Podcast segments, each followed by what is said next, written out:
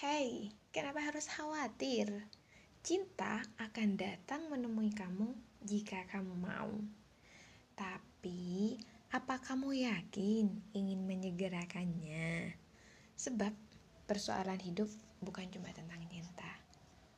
Ada banyak hal yang bisa kamu kerjakan dan kamu pastikan untuk kebahagiaan di masa depan. Misalnya, cita-cita dan cinta.